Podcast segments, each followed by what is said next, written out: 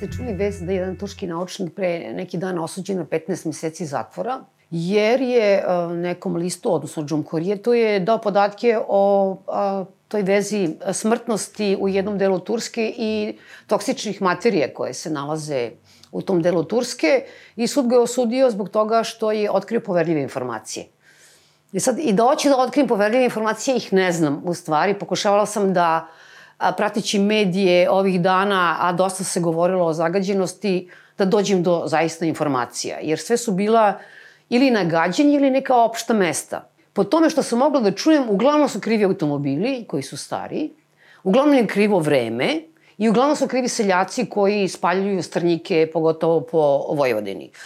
I možda ovom prilikom da se podsjetimo da je između našeg viđenja koje je bilo pre 9 meseci i ovoga sada, bilo je to leto kada je Beograd, i ne samo Beograd, jako mnogo smrdeo i tada se govorilo da su krive njive i seljaci zbog džubriva koje koriste da bi džubrili zemlju.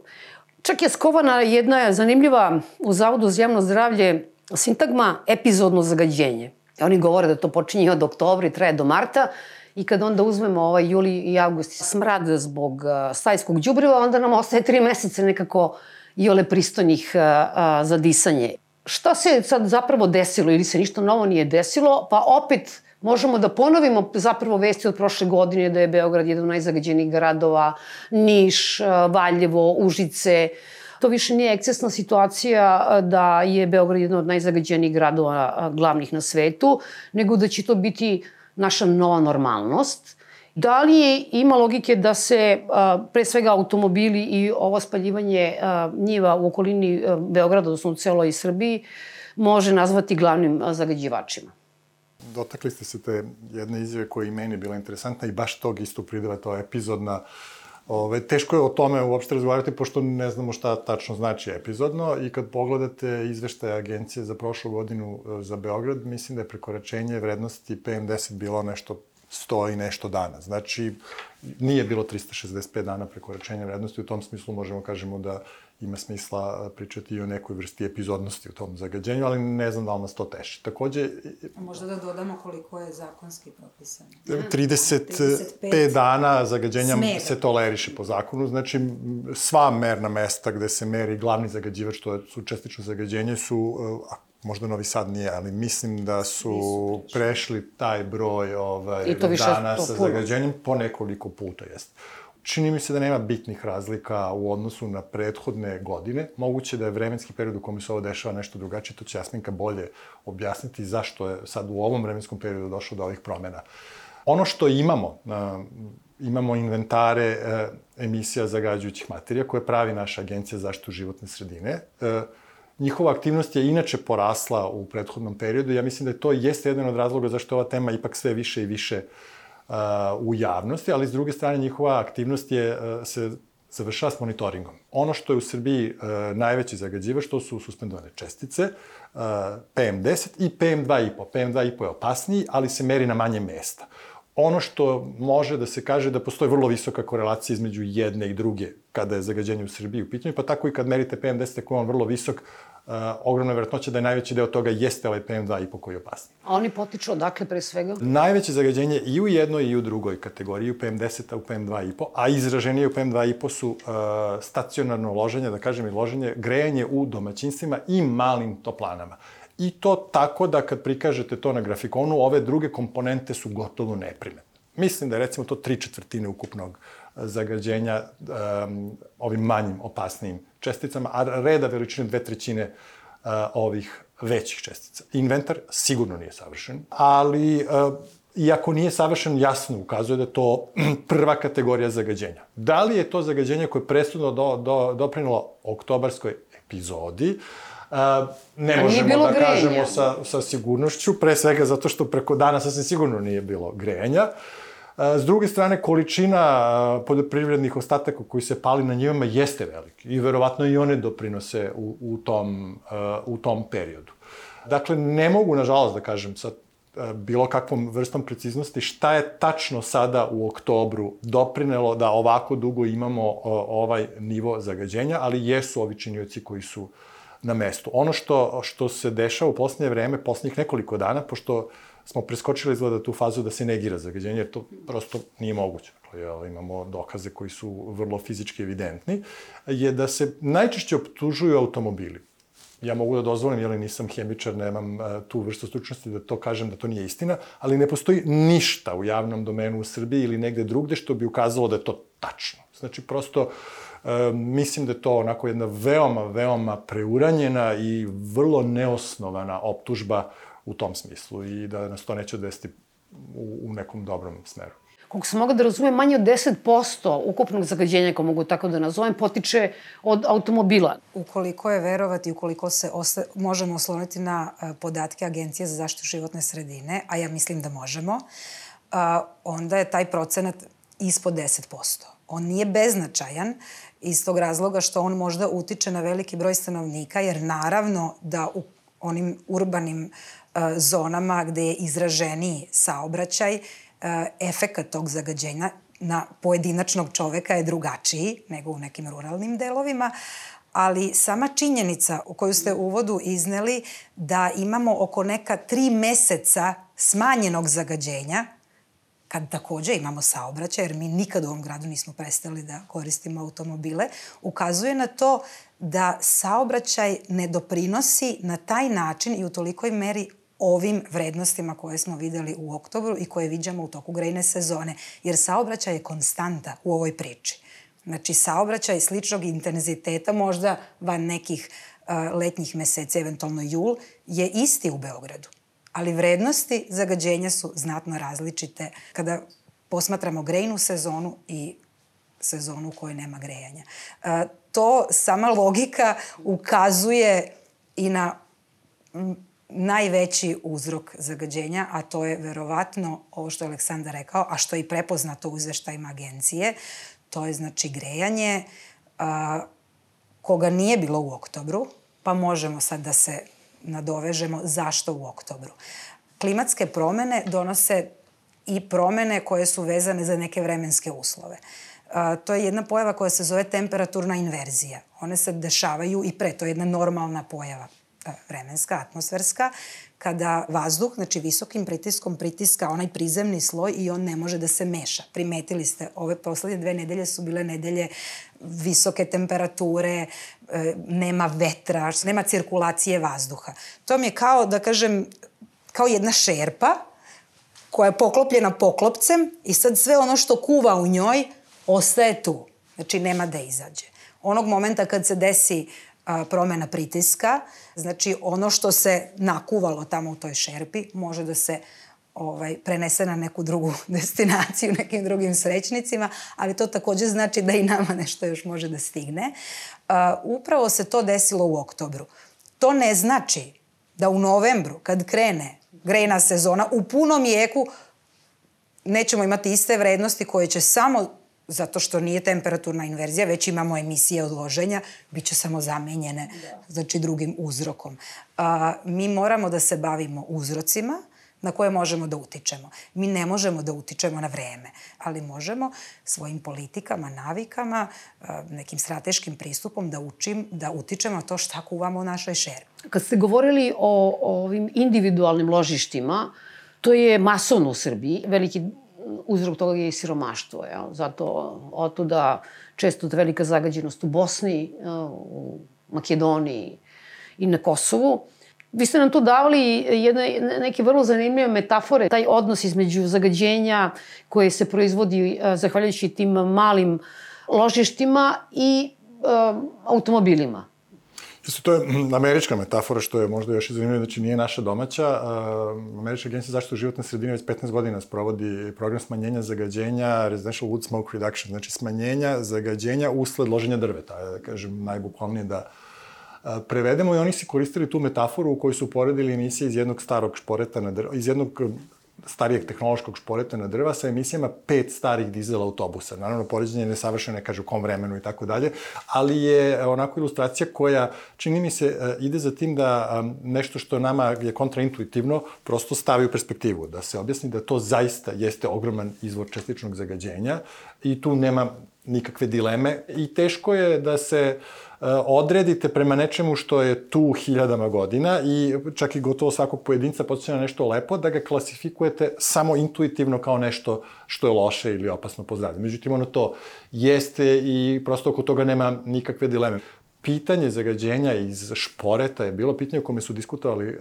parlamenti u Australiji, u Sjedinim državama, u Švedskoj, Nemačkoj, Francuskoj, Velikoj Britaniji i sve to u poslednjih desetak, 15 godina. Iako su mnogo ozbiljnije rešavali ta pitanja i u prošlosti. Međutim, gustina proizvodnje tih emisija je definitivno naša specifičnost. Lepo ste rekli Bosna, Makedonija, Srbija. Uh, ponovit ću to, u Srbiji po zvaničnoj statistici nešto manje od 40% domaćinstava ima radijatore. Znači, prosto 60% ljudi nema opciju bilo kakve vrste grejanja putem radijatora. Znači, to je individualni uređaj, bilo električni, bilo čvrsto gorivo, a statistika nam kaže i to da se 60% ljudi u Srbiji greje na čvrsta goriva. I da je ta rasprostranjenost mnogo veća kod siromašnijih nego bogatih, da tako kažem. Da je 85% onih koji spadaju taj neki prvi decil statistički potrošnje koristi taj vid grejanja. Ja volim da kažem imamo nevidljivi milion. Javne politike ne vide milion domaćinstava koje to rade, prinuđene su da rade ili misle da su uh, prinuđene uh, to da radi razno raznih razloga i odatle nam dolazi ta neka količina emisija koju inventar kvantifikuje kao najveću pojedinačnu. Ne samo, naravno, odatle ima, ponavljam, i nekih malih kotlarnica, imate i zdravstvene ustanove, imate i zavode za javno zdravlje po Srbiji, koje u centru grada prouzrokuju ogromne zagađenja. Nije, nije ovaj, ni to nemoguće, ali svejedno ovde je brojnost prosto tolika da to e, prevazilazi sve ostale.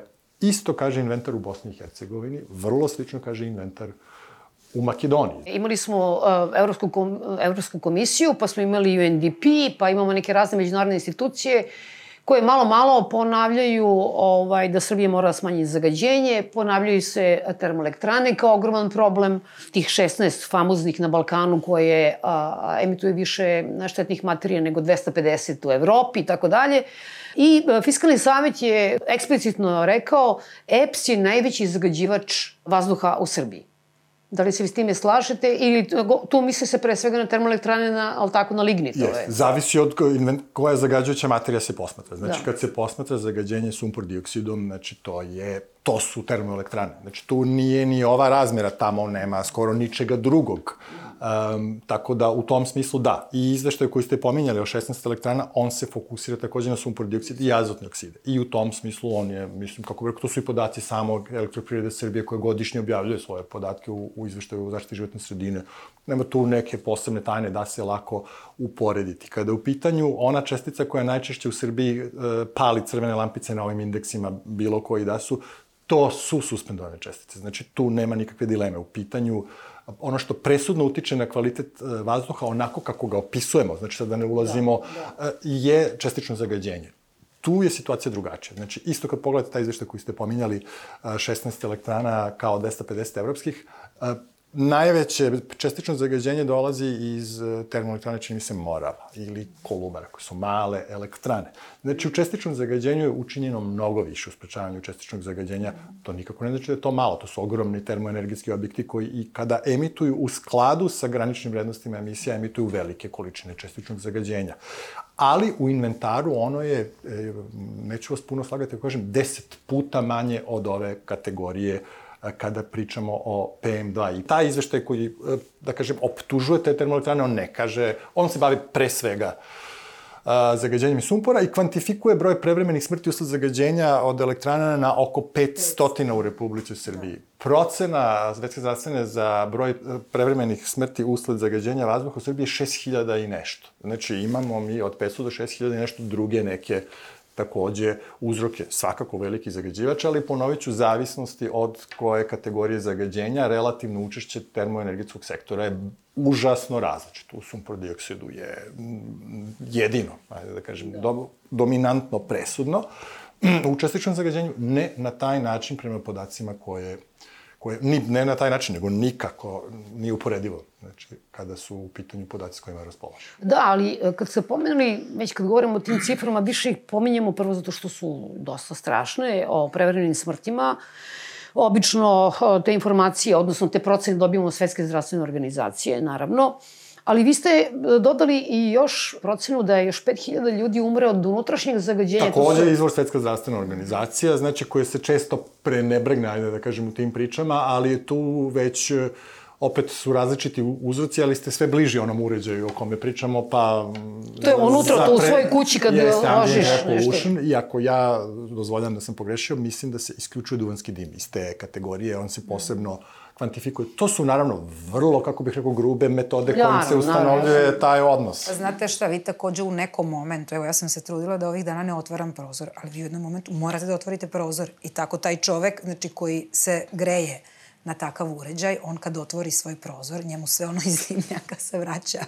Da. Mislim, vi prosto morate da napravite neku cirkulaciju. Možda to je začarani krug. Jer htela sam samo da dodam ovo kako se, recimo, Beograd prošlog vikenda video imala sam priliku da idem za vikend e, van Beograda s planine Rtnje. Znači, ne Beograd, nego čitava Srbija. Sledeća planina se videla kao jedan oblak u, u oblaku dima, smoga, znači braunkasto. E, to znači da mi ne možemo da razdvojimo ovaj fenomen po ulicama, možda čak ne možemo ni po tim urbano-ruralnim sredinama, jedino ukoliko se radi zaista o nekim veoma udaljenim i izolovanim mestima. Znači, problem je prisutan i pritiska, tu su samo nijanse u pitanju. Tako je i kod indoor i outdoor pollution. Znači, ukoliko ste vi, vi onda morate zaista da izolujete se potpuno od spoljnih uticaja, da to što izbacujete napolje kad otvorite vrata i prosto vam se na neki način ne vraća unutra. Jedan takav neefikasan uređaj po pravilu koristi ogromne količine vazduha za sagorevanje, a taj vazduh mora da dođe s polja, mislim, znači. nema odakle dođe. Znači, on prosto i radi na neki način kao vakum pumpa, on uvlači ogromne Začarani količine vazduha, uh, tako da brže ulazi ovaj, i taj zagađeni vazduh. Recimo, ovaj oktobar, eto, asocijacija mi je savršeno luja, dakle, svi parametri su tu da bude užasno. Šta nama stoji kao opcije da relativno brzo, a da ne bude ovo što priča ovaj ministar Trivan, nisam ni znala čega, zaboravila sam, a, ministar ekologije, koji malo, malo pa priča o hibridnim vozilima, električnim vozilima. Mislim, prosto je to neozbiljno malo ovaj, govoriti o ovoj zemlji. Mislim da ovde brzih rešenja, ja ih se čak bojim. Dakle, bojim se da se sad neko pojavi da kaže, e, pa što mene niste pitali, ja ću sad da vam objasnim kako ćemo mi da izađemo brzo. Ono što relativno brzo možemo je da ne, ne palimo po poljima. To, to definitivno. Možemo odmah, znači, postoji zakon. A, ja ovaj, stvarno nisam stručnik za poljoprivredu i ne usuđujem se da ulazim u to zašto se to dešava. Sigurno postoji neki razlog zašto se to dešava, ali pošto se to ne dešava u velikom delu Evrope i kako Jasminka voli kaže ovim zemljama sa ogromnim poljoprivrednim prinosima, ljudi to ne rade. Znači imaju neki drugi način upravljanja tim, to svakako može da bude brzo. Sve ovo drugo po meni ne može da bude relativno brzo. Da bismo izabrali obećavajući pravac, moramo da znamo sa najvećom mogućom dozom sigurnosti šta nam je glavni problem. Moramo da znamo šta nas košta koliko da izmenimo. I koga košta koliko. Znači, je li to individualni trošak ili javni trošak, ili će morati biti kombinacija. Šta nam svaka od mera donosi još, ili šta nam odnosi postoje mere. Zabranite se obraćaju u centru grada. Danas sam razgovarao sa jednom kolegom koji se bavi ovom oblasti. Kaže, kad bi to predložio, tu milion ljudi bi me linčovalo. I oni počeli da priča šta bi mu rekli, ako ne biste ništa rekli, samo bi bila pena na ustima, izgazili bite svi, možda bi rekao i ja bio među njima. Tako da, znači, neke mere nisu politički jednostavno izvodljive u kratkom vremenskom roku. Znači, subvencija za hibridne automobile, ok, koliko PM-ova u kom vremenskom periodu sa kojim jediničnim troškom to donosi? 34 nečega Da vidimo šta je sledeće, ili ima za 12, ili ima za 5, da poređamo te mere, e, da li gađamo siromašne, bogate, da li subvencionišemo ljude koji mogu i sami da reše problem ili ne. Traži vreme, traži ozbiljno otvaranje dijaloga, Naravno, sve što može da se uradi odmah, ako, dakle, ljudi, molim vas, nemojte ovo, molim vas, nemojte plastiku da ložite. Može sigurno nekim hitnim intervencijama se pomogne socijalno ugroženima da ne rade baš najgore stvari odmah momentalno. Konačno rešenje u ovom slučaju je dakle, da se u standardizovanom uređaju koristi standardizovano gorivo. Ali doći dotle, naravno, nije jednostavno ni u šporetu, ni u termoelektrani. Mi imamo propise koje ograničavaju vrednosti emisija iz, uh, stacion, iz postrojenja za sagorevanje većih od 50 MW. Mi ne poštujemo te propise. Mi možemo kažemo, ajde da pooštrimo, te, ajde da uvedemo od sutra poštovanje tih propisa. Mi moramo da znamo da uvođenje poštovanja tih propisa od sutra znači da se ti objekti zatvore. Jer oni ne mogu sutra to da urede. Šta sad sa tim saznanjem? Znači, isto to sad neko mora kaže, e, ajmo sad stvarno poštujemo zakone. I to je već samo po sebi problematično. Zato kažem, ima saveznika, ima okvira, ima i javnopolitičkog okvira, Jasminka može da kaže o tome nešto. Ja bih samo dodala da je postignut napredak u ovom merenju i u informisanosti. Vi danas imate ono što Aleksandar rekao, niko više ne negira. Znači, mi smo sada, evo, već kod vas na početku, još nije grejna sezona ni počela u potpunosti. Znači, to je koliko god poražavajuće, to je za mene ohrabrujuće. Jer je uh, dosegao ovaj problem, znači uh, on je sad nacionalni problem postao, jer više niste imali gde da pobegnete. Pre smo uvek se zgražavali, jao, jadni ovi iz Panča, meni uvek neko bilo žao tih ljudi što žive u Pančevu, pa u Boru, kao mi smo ovde, nama je okej. Okay. Sad više nigde nije okej. Okay. Vi morate zaista da pobegnete, ne, ne znam da je, ni na staru planinu. Uvek sam to koristila pre, a eno i tamo je požar. Znači, nema gde da se beži. Nema gde da se beži i izgleda da je to postalo sada svima jasno, svima nama. Znači, ovo je naš vazduh, mi to udišemo, to kao da pijete zagađenu vodu. Da kažem, stvorio se neki preduslov osnovni. Znači, imamo merenja naše agencije, imamo izveštaje naše agencije, naše institucije koja kaže ogroman broj dana, više od pola godine smo u prekoračenju. Ti inventari daju naznake koja je, gde treba prvo intervenisati, to su znači individualna ložišta i ova manja ispod 50 MW, znači znamo da je tu i saobraćaj, ter, sve to, znači kompleksan je problem, znači e, kvalitet vazduha je teško razrešiti i mnogo razvijenije zemlje sa mnogo više sredstava. Trebalo mi je nekoliko dekada da dođu do nekog stepena. Tako da mi imamo šansu da veoma brzo, brzo u tom nekom, da kažem, dugom vremenskom periodu, mi možda možemo ono što za što je njima trebalo 30 godina da uradimo možda za pet ili šest, jer imamo primere iz prošlosti, da. imamo i neku pomoć, znači nema tu mnogo nekih novih tehnoloških rešenja. Stvar je jednostavna, nećemo nikad doći do, u urbanoj sredini do idealnog vazduha, ali mi moramo da obezbedimo da ukoliko imamo divan oktobar, miholjsko leto, da bar uživamo u njemu, onda zaista da ne palimo te njive, jer to se našlo u tom loncu i u poklopcu. Znači, to je jedna stvar za oktobar. Kad dođe grejna sezona, ono što je Aleksandar pričao, moramo da osmislimo kako da razrešimo ovih 79% u inventaru. Jer 79% je PM2,5 iz individualnih ložišta. Znači, ako to ne razrešimo, ni saobraćaj, ništa neće da pomogne, neće na, do te mere da doprinese. Postavljen je problem na agendu.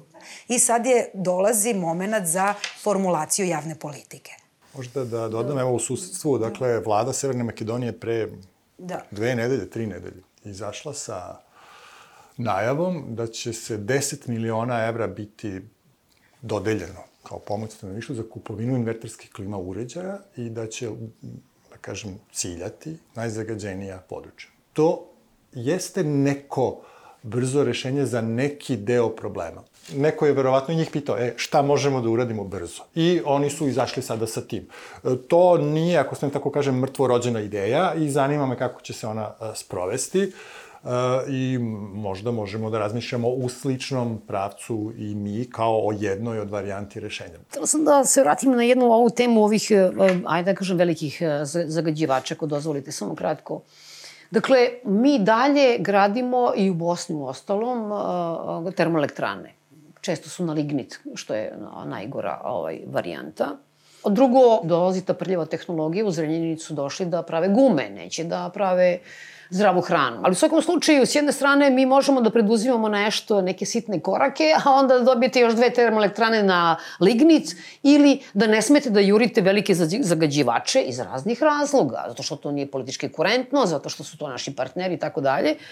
Šta bi tu moglo da se uradi? Za, za nove je, mi smo opremljeni u potpunosti, naš pravni okvir opremljen uh, mehanizmima koji bi trebalo spreći da se to desi sa novim objektom. Znači, za nove objekte, uključujući i nove elektrane, postoje standardi koji moraju da budu ispoštovani kada je u pitanju ova vrsta zagađenja i mi smo u tom smislu transponovali naše zakonodavstvo u potpunosti uskladili sa evropskim.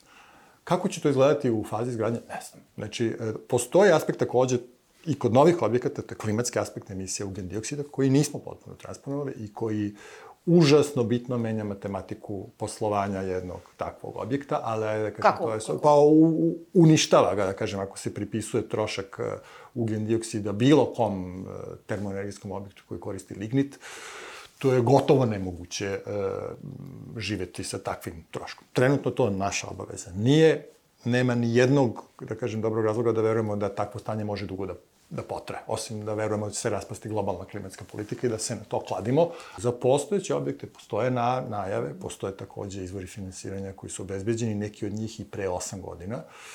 E, za neke pomoćne tehnike koje bi trebalo smanje emisije i ovih drugih zagađivača, odnosno zagađujućih materija, ne samo suspendovanih čestica, jer je na suspendovanim česticama rađeno nešto i zagađenje suspendovanih čestica je smanjeno. Da li je ono uvek u, u kontrolisanim granicama ili nije, znači to je opet pitanje pravnog okvira, da li verujemo u to kako se on sprovodi ili ne. Ministar Antić je skoro rekao da ovi podaci uh, koje navode ovaj izveštaj su podaci iz 2016. godine, da, na, da nisu u tom smislu valjda potekst bio više aktualni. Izišao izveštaj o stanju vazduha za 2018. godinu i inventar sumpora ne pokazuje smanjenje. Ukupna količina emitovanog sumpor dioksida prema izveštaju Agencije zašto životne sredine Republike Srbije nije smanjena, znači ni 2018. odnosno na prethodne godine. Ponavljam, postoje neke tehnike i metode kojima se ovo zagađenje može smanjiti. Vrlo je usko stručno tehničko pitanje da li postoje takve koje će ih dovesti u granice onoga što je već propisano e, našim domaćim zakonodavstvom. Različiti ljudi tvrde da u nekim, u azotnim naročito oksidima, da je to gotovo tehnički neizvodljivo, ali svakako da postoje neke koje mogu dramatično da smanje, po deset puta zagađenje ovim česticama. E, kako će ta elektrana nekome da proda tu električnu energiju i da vrati i kada tu investiciju Drugo pitanje, teško pitanje, to su objekti stari po 40 godina u koje vi ulažete sada novu investiciju, ona treba konkuriše, već nije pretredno efikasna sa novim, pošto ta postrojenja troše struju. No? Da će biti još manje efikasna, ali da, tehnika je tu i e, postoje, kažem, i sredstva obezbeđena i predviđeno je da se to radi. Znači, mi imamo obavezu, obaveza već stupila na snagu. Ako izgleda da ste došli u situaciju da dišete ili da imate struju ili da dišete ili da se vozite ili da dišete i da se smrznete, tu nema, nema dobrih rešenja u tom, u tom okviru i mi iz tog okvira naprosto moramo da izađemo ili da se saglasimo da nama ok da dišemo da. ovaj vazduh, jer naprosto bolje ne umemo. I to je to. Da, kao što su se na, navikli ono, u Kalkuti ili već ne znam gde, u Delhiju ili u Pekingu. Ovaj. Pa to me ponekad brine, iako a, veliki broj ljudi primećuje to kao problem, ali veoma brzo kod nas to onda se normalizuje ta situacija. Pa dobro, to je tako, ja? Sve to zahteva para, ona čuvena rečenica, zahteva novca koga mi, koga mi nemamo. Pitanje je uh, procenat iz budžeta koji vi odvajate za određene stvari, da bi ja shvatila. Znači, ta desna strana budžeta me zanima da vidim šta ti nameravaš sa mojim životom ili našim životima. Da, Možda da, izvod... treba ne pričati, ali razmišljati zaista o tom namenskom fondu, gde zagađivač nešto plaća i onda od tog novca se ulaže. A, druga stvar, e, pominjali ste strane investitore vi svakako imate pravo da nametnete neke standarde na koje ste se i sami obavezali, ne samo evropskim zakonodavstvom, već i domaćim, sobstvenim. Znači, tu nema pitanja kad je e, reč o novim pogonima, industrijskim postrojenjima u bilo kojoj oblasti, da li su gume ili hemijska industrija ili energetika, znači postoje uh, standarde Evropske unije na koje smo se i mi obavezali, preneli ih u naše zakonodavstvo. Imamo pravo od investitora to da tražimo.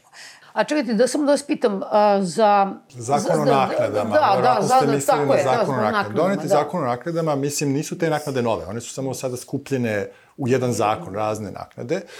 Ono što je trenutna situacija da Uh, nekako se izbegava uh, da, da je naknada za energetsku efikasnost, da taj prihod nužno ide u unapređenje energetske efikasnosti, što po meni dosta je zdravorazumska stvar, leva, desna strana bi na neki trebalo način da trebalo, jer ne može postojati javni prihod ako nije predviđen javni rashod, je li odgovarajući.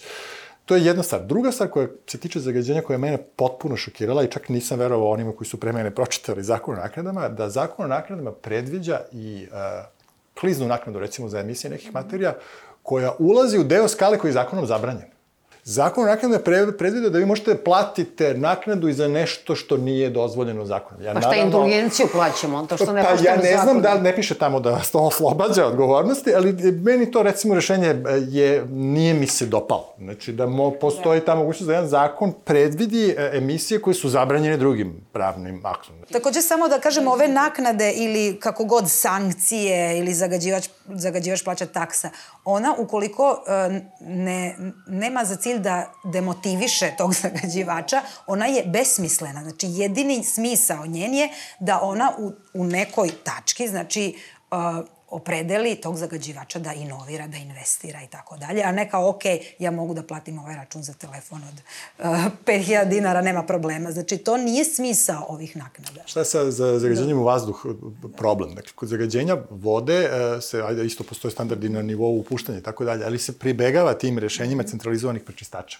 U vazduhu nema centralnog prečistača. Znači, moramo da se bavimo individualnim. U tom smislu je vazduh komplikovaniji. I opet onda se suočamo sa ovih milion disperzovanih zagađivača, šta ćemo s njima? Znači, ako su ljudi u stanju socijalne potrebe, ja mislim, i to je možda tačka za početak. Tu ima najmanje dileme. Ajmo da ljudima u stanju socijalne potrebe razrešimo problem i razrešimo deo našeg zajedničkog problema.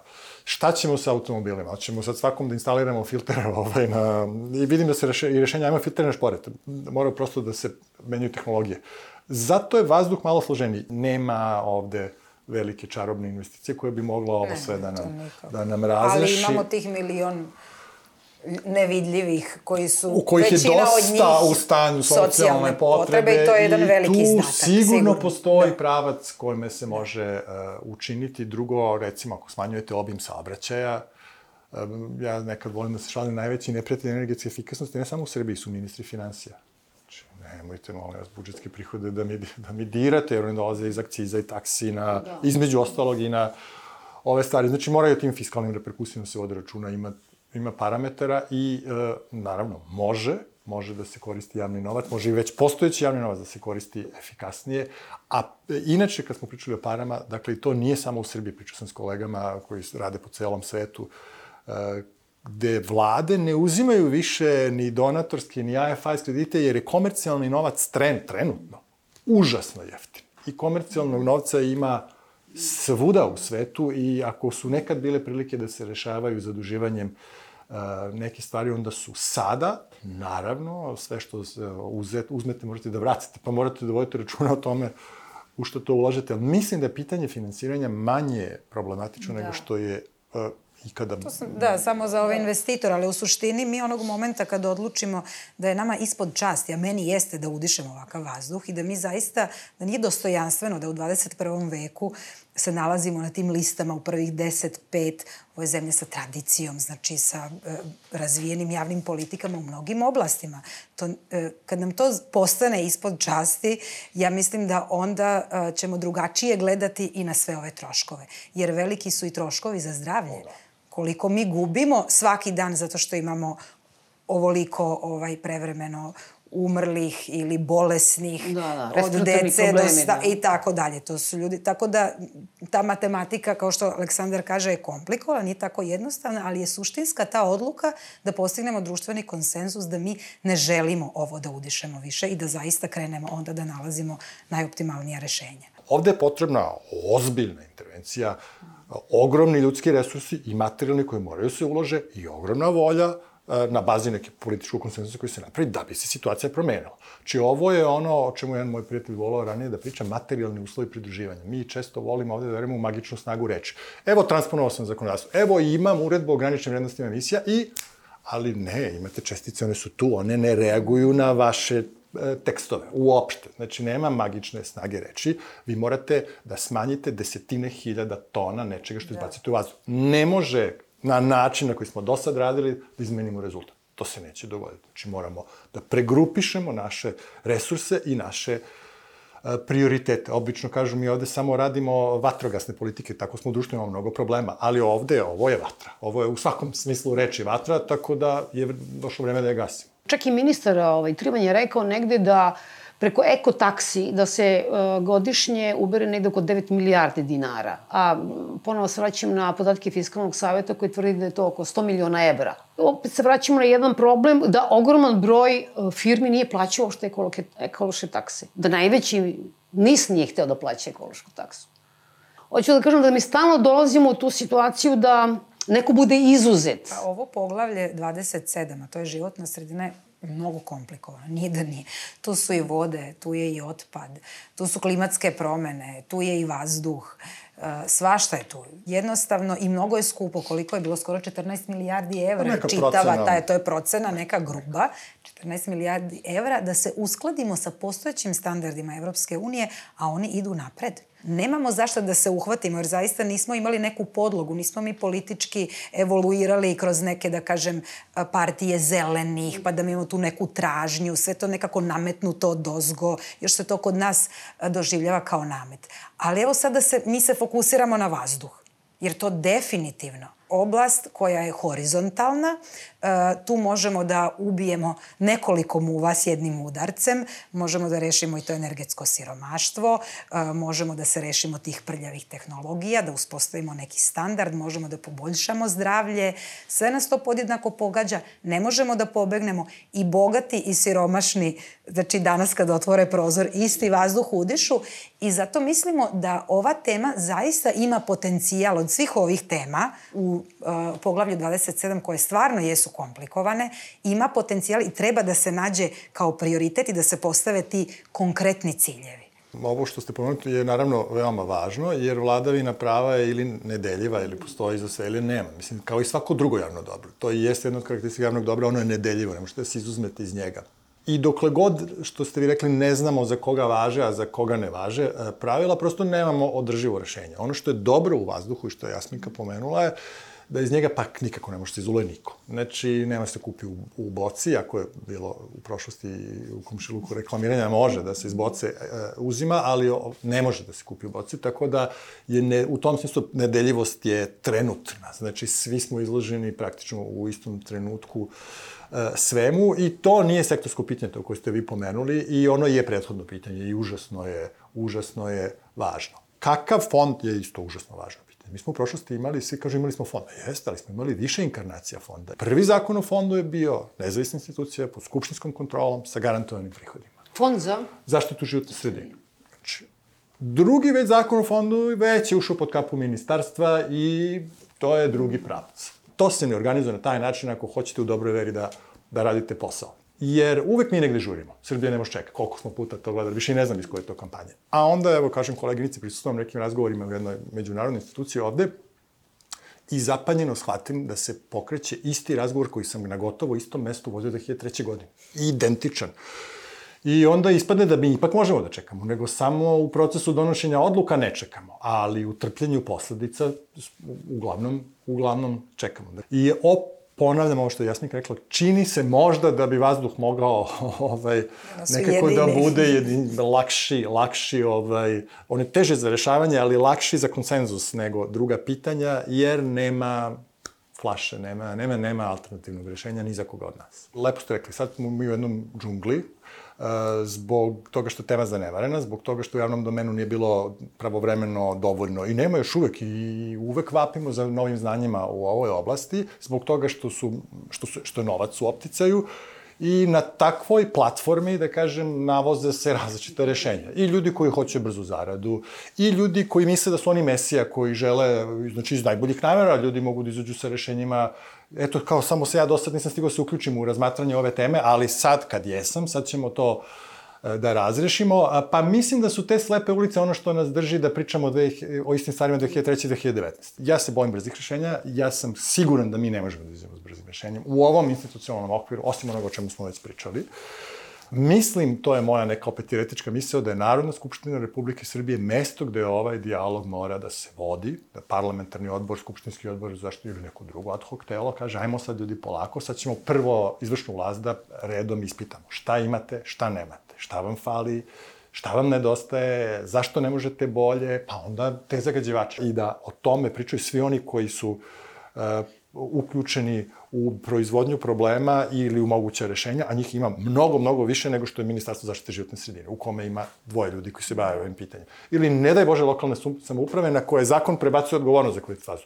To, to, je, to je slepa ulica. Znači, naše lokalne samouprave ne mogu da razreše ovaj problem. Znači, to je zakonsko rešenje koje je za neki sledeći korak.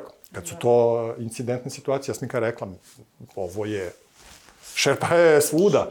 Znači, ne može lokalna samouprava sa 30.000 domaćinstava koji se greju da izađe na kraj. Ili sa jednom termoelektranom. Znači, ili sa uh, jednim velikim zagađivačem. Ne može. U ovom trenutku u Srbiji ne.